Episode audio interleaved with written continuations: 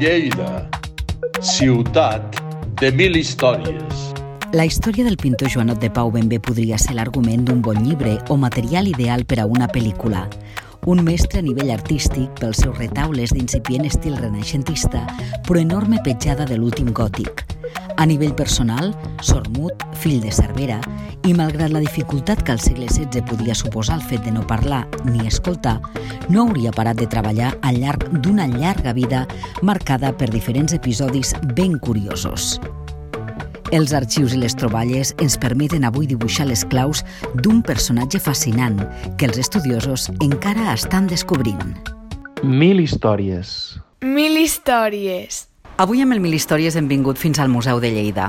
Ho hem fet perquè volem parlar-vos de la singular i sorprenent vida i obra d'un pintor lleidatà del que aquest equipament conserva un parell de peces, n'exposa una, de la que ara també parlarem, però conserva un parell de peces. El protagonista del capítol d'avui és Joan Pau Guardiola, Joanot de Pau, un pintor a la figura del qual ens atensarem ara en companyia de l'historiador de l'art, professor de la Universitat de Lleida i de la Universitat Oberta de Catalunya, especialista en art medieval i pintura gòtica catalana, l'Alberto Velasco.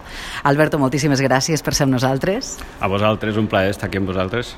Qui va ser Joanot, eh, Joanot de Pau? En quina època i quina és la rellevància i la importància artística d'aquest pintor?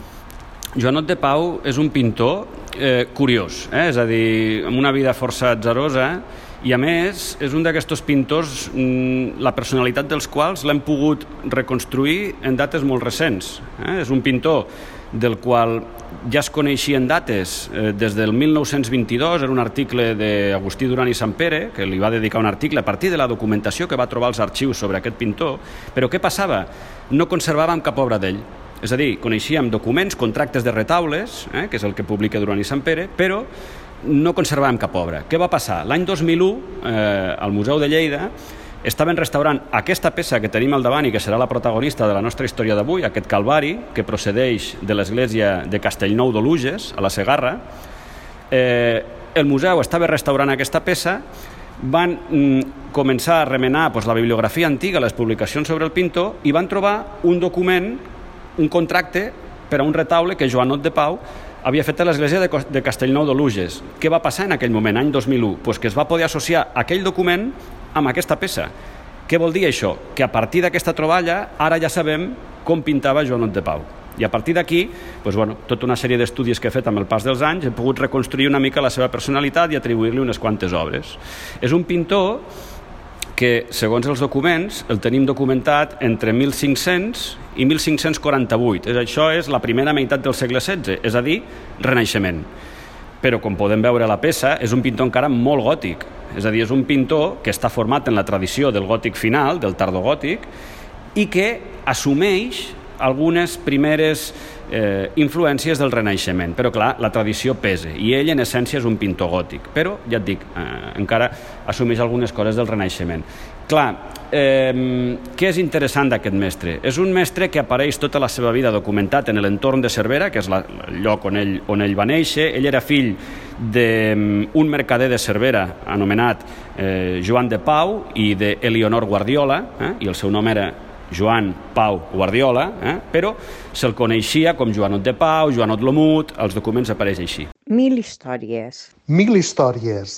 Era un home que no podia, mm, en, en un document ho diu en llatí, diu algo així com eh, no pot parlar ni escoltar. Eh? I què passava? Eh, com que no parlava ni, ni sentia, clar, necessitava ajuda. I per anar a signar els documents dels contractes dels retaules, en un primer moment, qui li feia, eh, aquí fem ara una mica, una mica un, un, un excursus temporal, qui li feia de marxant era la seva mare, eh, la, la Eleonor Guardiola. Signava ella, en nom d'ell, els documents, perquè clar, no podia parlar ni sentir. I mm, clar, aqu aquesta condició de sormut mm -hmm. el va marcar tota la vida. Eh? Devia ser molt dur a la primera meitat del segle XVI ser sormut, eh? però aquest home bueno, mm, es va guanyar la vida, tenim a més molta documentació que demostra que va contractar molts retaules i se'n va sortir. Eh? Eh, no sabem com va aprendre l'ofici, no sabem qui va ser el seu mestre, però els primers documents que coneixem d'ell, que són de cap a l'any 1500, eh, el mostren treballant al costat d'un pintor de Cervera que es deia Pere Alegret. Això vol dir que potser es va formar amb aquest Pere Alegret. Eh? És una deducció que, que s'ha fet. Eh, tenim documents, com ja t'he dit, en què, del 1510-1511, en què la mare apareix signant per ell, i llavors, a l'any 1520, Joanot ja apareix casat amb una senyora que es diu Castellana Isabel, eh? nom compost, Castellana uh -huh. Isabel. I amb aquesta senyora tenia una filla que es deia Lluïsa. I arribem, diguéssim que seria el moment més curiós de la seva trajectòria, que és l'any 1527. Què passa aquell any? Hi ha una, una documentació eh, del, de la vila de Cervera, de l'Ajuntament, la, de, de la paeria de Cervera, que diu eh, que l'Ajuntament posa bueno, una mena de denúncia eh, contra la dona de Joanot, castellana Isabel, la serventa eh, i una segona filla que es deia Joana Àngela. Eh? Ara ja sabem que tenia dues filles, com a mínim. Eh? O sigui, a la casa hi havia, diguéssim, totes aquestes persones. Eh? Sí. Dues filles la dona, una serventa i ell. Sí, però amb aquest document de 1527, diguéssim, de filla només s'esmenta una, la Joana Àngela. Què passa el 1527 a casa de Joanot de Pau a Cervera? La paeria de Cervera eh, està enfadada, diguéssim, perquè a casa de Joanot el document és molt fi, eh, com ara veureu. Està enfadada la paeria de Cervera perquè entren molts homes per la porta del davant i surten per accessos secundaris. Fins i tot capellans, diu el document. Eh? No diu què passe, però ja ho intuïm. Eh? No pensaven, potser primer van a fer-se retrats o... No, no, no. no jo, jo diria que el tema del retrat a Cervera en aquell moment no estava gaire desenvolupat. Anaven a fer altres coses. Sí, sí. Eh, clar, eh, estem davant d'un cas de prostitució. Eh? Què sentencia la paeria? És molt curiós, eh? perquè el que fan és desterrar la serventa, retiren la custòdia de la filla a Joanot i a Castellana Isabel, els hi retiren la custòdia i a més els hi diuen que l'han de donar amb algú que mm, faci bé per ella. I és molt curiós perquè aquell mateix any, 1527, documentem com Joana Àngela, la filla, es casa amb un pintor que eh, es deia Jeroni Pobla, àlies Malassang que ja dius, bueno, aquest àlies pinta malament. Sí? Eh? Eh, I això, els retiren la custòdia. Eh? I també ordenen, eh, que això m'ho havia deixat, tapiar els accessos secundaris de la casa perquè no hi hagi tant jaleo d'homes amunt i avall. Només queda la porta principal, diguem-ho així, Només no? queda la porta principal. Clar, però la situació és molt curiosa. Eh? De fet, el document també diu explícitament que Joanot queda exculpat de tot això. Això t'anava a preguntar. Fins a quin punt està documentat si ell era conscient o no d'aquesta situació? Perquè ja hem dit sord, mut, potser pobre senyor, a veure, estava pintant i no era ni conscient del que passava, no ho sé. Bueno, clar, sort mut, però hi veia. Sí, això sí. Eh? I quan tu estàs a casa teva i veus que entren i surten senyors, dius, ep, què està passant aquí? Ja, ja, eh? ja, ja. Bueno, clar, Però exculpat, de tota sí, manera. Sí, el document diu que ell queda exculpat i, i que tota la, la punició, el càstig, és per, per les dones de la casa. Això va tenir alguna mena de repercussió en la seva obra o cap ni una? No, cap ni una, perquè eh, això, com, com he comentat, va passar el 1527 i després documentem a Joanot treballant en infinitat de retaules. Eh? Entre altres coses, per exemple, sabem que en un moment determinat de la seva trajectòria va sortir d'aquesta zona habitual de treball de la Segarra Cervera i va anar a treballar a la Seu d'Urgell. Eh? El tenim documentat a la Seu d'Urgell i, a més, en aquell entorn de la Seu d'Urgell li he pogut atribuir algunes obres. Un, un fragment de retaule que va aparèixer fa pocs anys reaprofitat en un armari de l'església d'Isabarre. Eh, li he atribuït també alguna peça a la, a, a la vall de l'Avança Tuixent, eh? és a dir, són testimonis de que ell va estar per allí treballant. Clar, això també és interessant perquè ens demostra que aquests pintors tenien una certa mobilitat, sí. eh? que no, no només estaven en la seva àrea natural de treball, sinó que es movien. Eh? I també ens demostra que una persona eh, sordomuda tenia una certa capacitat de desenvolupament econòmic i d'articulació de la seva vida. És molt curiós també perquè un cop es casa amb Castellana Isabel, la que passa a jugar una, una mica aquest rol de marxant, eh, que signa els documents, és la dona. Eh? Que primer havia estat la mare, com primer has dit, la mare. després la dona... Sí, sí, que, que és molt curiós també, perquè a principis del segle XVI que una dona eh, agafi aquests poders no? en representació del seu fill, després la dona del seu marit, home, també és significatiu. Mil històries. Mil històries. També significatiu, certament. Mm. I la senyora, a més a més, en aquest cas, multinegoci, podríem dir-ho així, una mica, sí, sí, eh, sí, fent, sí. fent una mica de broma, Sí, sí. perquè, clar, eh, era així, no? Vull dir, marxant del seu espòs i després eh, tot allò que passava a la casa, que l'Ajuntament de Cervera doncs, va interposar aquesta denúncia. Qui, quin, quina evolució va tenir? Què va, què va passar? Van tapiar... El que tu dius es va acabar aquesta activitat, la filla es va casar, l'Ajuntament, aquesta actuació diguéssim, tenia alguna altra motivació més enllà de posar una mica de fre a aquesta activitat? Hi havia alguna cosa més a l'Ajuntament de Cervera i a la vila de Cervera que motivés doncs, to- tot això? No sabem què va passar després, suposem que, que diguéssim que tot va tornar al seu ordre normal, eh? no, no tenim més documentació sobre aquest cas, però clar, el que sí podem intuir és el perquè de l'actuació de la paeria de Cervera. La paeria de Cervera, i això ho sabem per altra documentació, controlava el bordell, eh, el prostíbul que hi havia a Cervera en aquell moment. Per què dic que el controlava? Perquè sabem que a la porta del bordell del prostíbul de Cervera hi havia l'escut de la vila.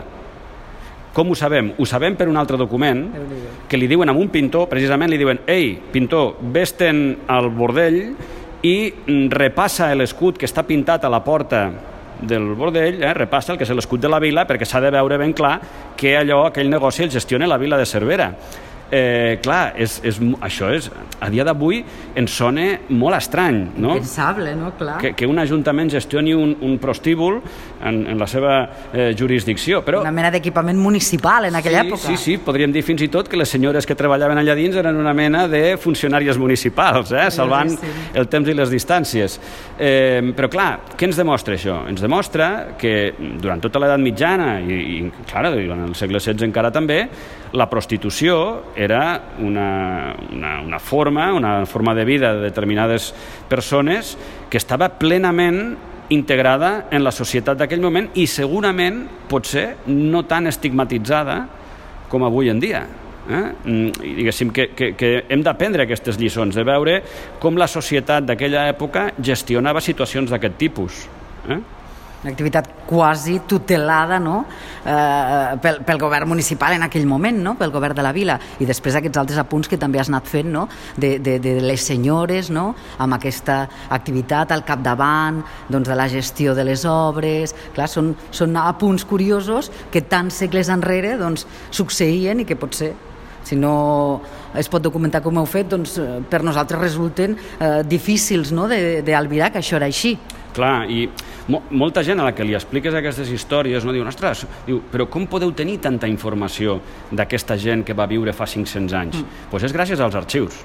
Els arxius són fonamentals per als historiadors de l'art, eh? ja siguin arxius catedralicis, parroquials, eh, del, dels, de l'administració pública, és a dir, dels ajuntaments, de la Generalitat, etc. Tota aquesta do documentació eh, genera molta informació sobre les obres d'art, perquè no perdem de vista que aquella gent eh, feien documents molt més que nosaltres, és a dir, mm, compraven un mul, un ruc, i anaven al notari a fer un paper, eh? és a dir, allò que diuen de que l'edat mitjana és una cosa fosca, que era un desgavell, no, no, no. Burocràcia, ja n'hi havia. Hi havia moltíssima burocràcia, moltíssima, eh? la finestreta única no existia en aquell moment. Encara tampoc, eh? No, no, no, i ara menys, no? Eh, però, però és així, és a dir, i gràcies a, a, a, a tota aquesta vida tan reglada a nivell documental, arxivístic i de, i de notaris, això ens dona una informació brutal als historiadors de l'art, perquè ja et dic, per exemple, cada vegada que, que s'havia de fer un retaule, anava el promotor del retaule, el pintor, i signaven una capitulació davant un notari. Eh? I allà constava tot, absolutament, mira, el retaule ha de tenir tantes peces, ha de tenir tres carrers,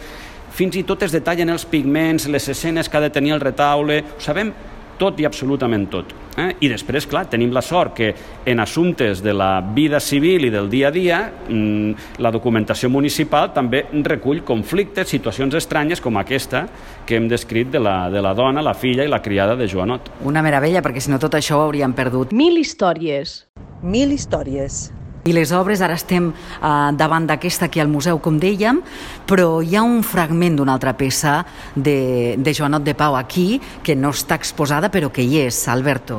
Un fragment, oi? És un fragment. Eh, com va arribar aquest altre fragment aquí al museu? Fa uns anys, quan jo era conservador d'aquí del museu, ara ja no, no ho soc, des de fa un parell d'anys, eh, va sortir a Londres, amb una subhasta, una peça de Joanot de Pau evidentment no sortia ben identificada, sortia com anònim, hispà o Clar, castellà. perquè encara no havíeu pogut determinar, no? Clar, és un pintor molt poc, molt poc conegut fora del nostre àmbit. I, I clar, jo la vaig veure i de seguida vaig dir, ostres, dic que això és un Joanot. Mm, La vaig fer comprar, està aquí al museu, i quan va arribar la peça ens vam adonar d'una cosa molt curiosa. Ens vam adonar, era una escena relacionada amb la Mare de Déu del Roser, eh?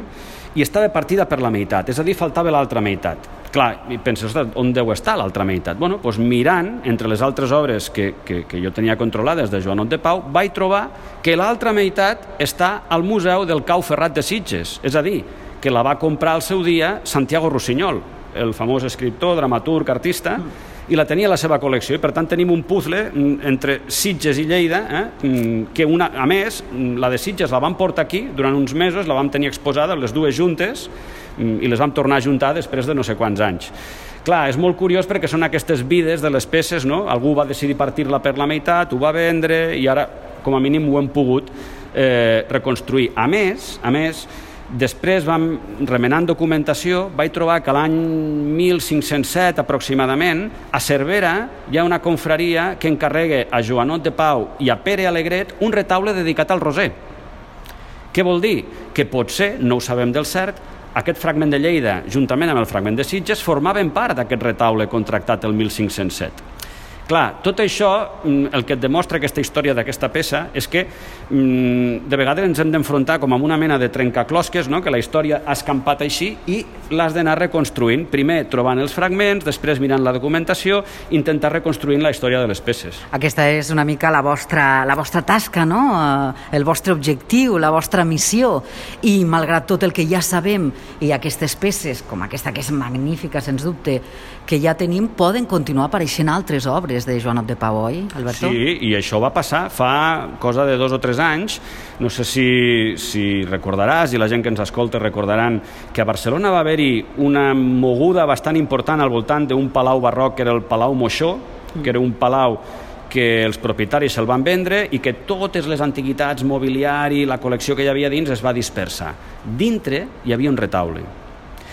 I el, el periodista que estava fent seguiment del cas, el José Ángel Montañés del País, me va escriure i me va dir, escolta, dintre del, del tot el mobiliari del Palau Moixó hi ha aquest retaule. Diu, no seran d'al- d'algun d'aquests pintors que tu has treballat? I el vaig mirar i vaig dir, ostres, però si és de Joanot de Pau. També de seguida. Sí, sí, clar, perquè jo el seu estil el tinc molt interioritzat, és a dir, jo veig una peça d'en ell i dic... La és- identifiques... Clar, perquè ho tinc aquí al disc dur gravat, saps? I el vaig veure i, i clar, llavors indagant me vaig assabentar que aquest retaule del Palau Moixó procedia de Montornès de Segarra, d'un castell que la mateixa família eren propietaris i que l'havien traslladat de Montornès de Segarra a Barcelona. Què vol dir això? Que, que vamos, és de Joanot de Pau segur. Per què? Perquè Montornès de Segarra està en l'àrea d'activitat de, de Joanot i a més l'estil és el mateix. Una qüestió de lògica primer, però després, clar, de, de, de, de, de constatar fil per randa tot això, no? Clar, i, i, I arribar a la certesa. Sí, sí, sí. I la qüestió és que, bueno, que gràcies a això, amb aquesta recerca d'aquest periodista, de vegades els periodistes també sou molt, molt, molt útils i ens aneu molt bé, eh? De vegades només, eh? No, no, moltes vegades. I mm, eh, gràcies a això doncs, bueno, vam poder atribuir una altra obra nova a, a Joanot de Pau. Bueno, és un pintor que està en construcció, eh? des del 2001 fins al... Do... fa 20 anys, eh? estem Molt recent, eh? Molt Sí, recent, sí, sí, no, no, clar, tu pensa que d'aquests pintors medievals mm, la majoria mm, coneixem tot o, o, o moltes coses des de fa 100 anys. Joanot, en els últims 20 anys, la seva personalitat ha donat un tom absolut. L'hem documentat en nous documents, li hem pogut atribuir noves obres i, i per tant, jo crec que Joanot mm, estarà content allà on sigui, com dirà, bueno, com a mínim aquesta gent han descobert la meva vida així atzarosa i peculiar, però m'han reconstruït el catàleg de peces. I per tant encara podem seguir escrivint nous capítols no? amb el que vagi apareixent i vosaltres emetents i, i pendents de- d'aquesta història. Alberto, i va tindre una vida llarga, una mica al final de Joanot de Pau, com va anar? Pues exactament mm, no sabem ben bé com va morir ni quan va morir. Sabem que la ult- la última obra que tenim documentada d'amb ell és un retaule que fa a Llarena, també a la, a la Segarra, l'any 1546. I sabem que dos anys després, el 1548, encara apareix com a membre d'una confraria de Cervera. Aquest és l'últim document que tenim d'ell, 1548. Crec que sis o set anys després, la seva dona ja diu que és viuda. Per tant, mm, va morir això, cap al 1548, 50, no sabem com, no sabem de què, suposem que de vell, perquè clar, està documentat durant 48 anys, des de 1500 a 1548, al 1500 ja el documentem treballant, això vol dir que el 1500 devia tenir uns 20 anys, Clar. Mm, devia néixer cap al 1480 i per tant, si va morir cap al 1550, doncs és una llarga vida, 70 anys. Eh, viure, viure... en aquell moment, Sí, clar. sí, viure 70 anys en aquell moment eh, era molt. Eh? I, I fins aquí, és a dir, no sabem eh, res més d'en ell, eh, no sabem on el van enterrar, no tenim el testament, eh, però bueno, potser algun dia apareixerà. Potser ho seguireu descobrint, Alberto. Jo crec que la gent eh, els haurà encantat aquesta història i a més a més els haurem donat feina, potser, de, de fer aquest periple, no? una mica de poder anar a veure, començant pel Museu de Lleida, lògicament, doncs aquestes obres no? que estan distribuïdes arreu i jo crec que pot ser una activitat magnífica per aquest estiu. Alberto, moltíssimes gràcies. Moltes gràcies a vosaltres, un plaer. Lleida, ciutat de mil històries.